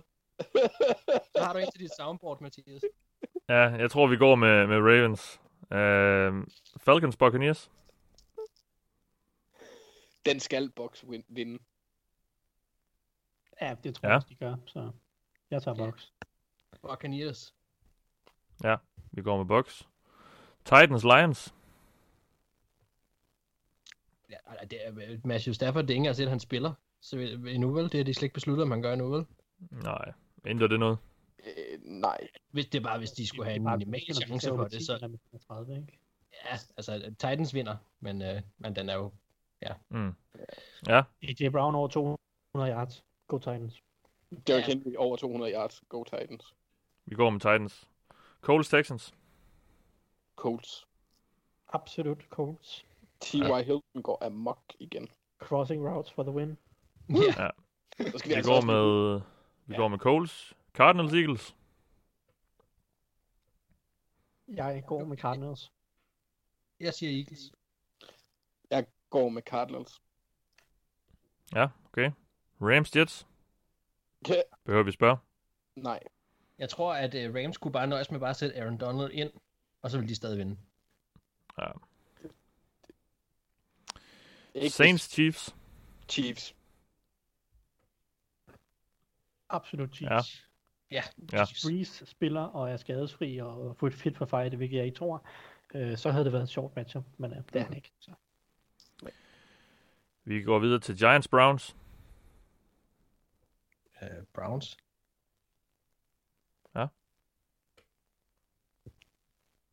Nej. Ja. Øh, skal, vil du have mig til at tage noget, Anders, her? Mm. Mm. Jeg vil Ej, gerne. Daniel, Daniel Jones og den præstation i sidste uge, prøv at, de, Men han får en ikke så chance. dårligt igen. Slap nu af. Altså, øh, Det tror jeg. øh, det tror jeg ikke. Jeg tror nok, han skal spille bedre. Jeg ved så ikke, om han spiller øh, så meget bedre, at de vinder. Og det er så det, jeg lige sådan har en intern debat med mig selv om her. Øh, Anders, hvem så er du? det tror jeg ikke, de gør. Så jeg tager, jeg tager også Browns. Ja, Okay. det, det, var egentlig også der, fordi jeg synes egentlig, Browns har gjort det fint. De øh, bøllede også Ravens forsvar, der var øh, nærmest ikke eksisterende. Det har de været et stykke tid på grund af skader og alt muligt, men, men de, var, de, var, de var gode mod Ravens. De var bare ikke særlig gode på forsvaret, men New York Giants har ikke Lamar Jackson. Vi går med Browns og så til Monday Night. Eller kampen, der er uansagelige årsager skal spilles Monday Night. Mm. Det tror jeg, de fleste i USA er ret kede af. Bengals Steelers. Jeg, behøver, jeg gider ikke engang spørge. Altså, Det det, det kan jeg ikke. Tak for den her uge. Tak for denne gang. Ja. I har lyttet til mig. Jeg hedder Mathias Sørensen. Med mig har haft Anders Kalsop, Thijs Joranger og Mark Skafter Våbengård. Vi er tilbage i næste uge. Måske lidt øh, tidligere på grund af jul. Men øh, vi skal nok få snakket noget bold, også selvom der er højtid. Vi lyttes ved.